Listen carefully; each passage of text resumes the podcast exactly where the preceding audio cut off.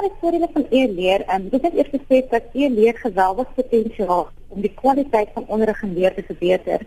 Vir ons as leerders met verskillende kognitiewe vermoëns in ons klaskamer die hoofstroom kan akkommodeer.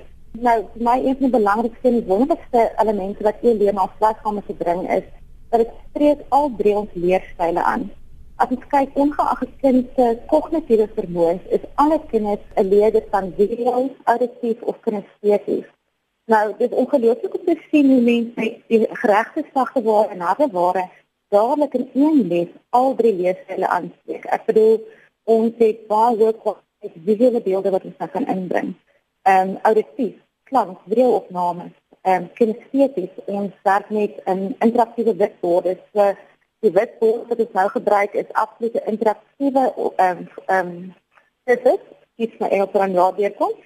En so dit is dadelik die kind beweeg en hy doen. Dit is baie leer probleme aan. Ek gaan net 'n paar uitlig as kyk na ADHD byvoorbeeld en um, waarmee baie ouers sukkel.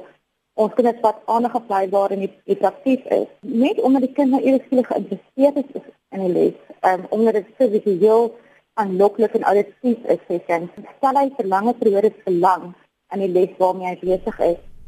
Saam met die wat die, die prakties is, hulle is nou besig of dit nou op die onderwysers toestel is of op hulle eie tablet of hang af van wat skole gebruik van maak. Maar as kind is dadelik betrokke en hy wil vir langer tyd werk besig wees. Wat gewoonlik is met e leer is, dit versterk nie onderrig net in klastyd nie jy weet skielik kan kinders wat kroniese siektes nie gehoor het, wat nie by die skool kan uitkom nie.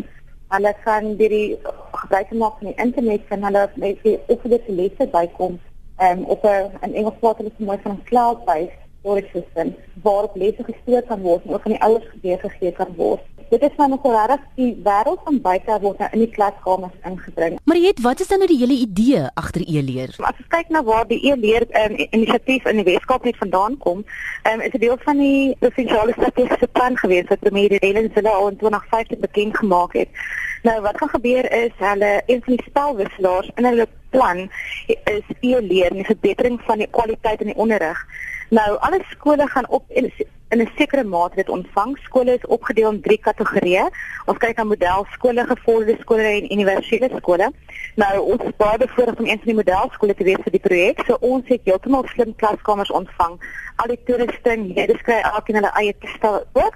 Dan kyk ons meer na gevorderde skole. Hulle kry ook alles vir die onderwysers kry, maar hulle gaan 'n beleid volg van die leerders bring sy eie toestel tot by die skool. En dan kyk ons na universele skole wat gaan toegang het tot die e-leer in laboratoriums of wat die infrastruktuur van die skool toelaat. Die grootste uitdaging dink ek wat daar is vir die Weskaapse Onderwysdepartement is opvoedontwikkeling.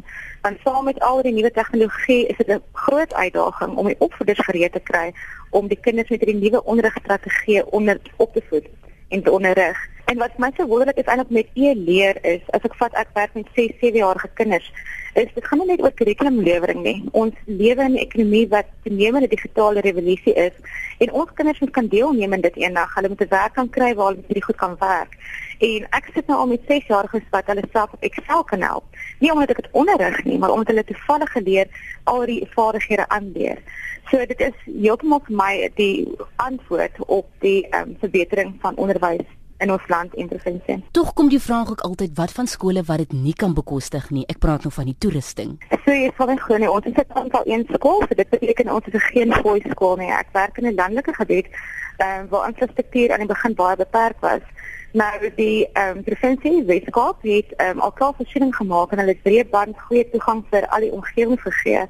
So elke klaskamer in die Weskaap gaan toegang hê tot 'n internetlyn, 'n baie area netwerk, dit begin by 'n lokale area netwerk. Ehm um, ek dink nie net met vaskyk in dat daar nie geld gaan wees om vir kinders 'n agterstand te gee nie, want dit is glad nie waaroor dit moet gaan nie.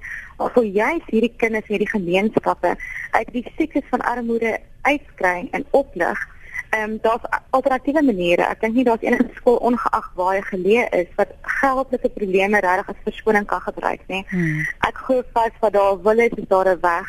Dan kyk net na buitefondse, na donateurs, ehm um, as jy hard genoeg seker regtig die moeite insit, dan kan elke kind in ons land toegang tot hierdie tegnologie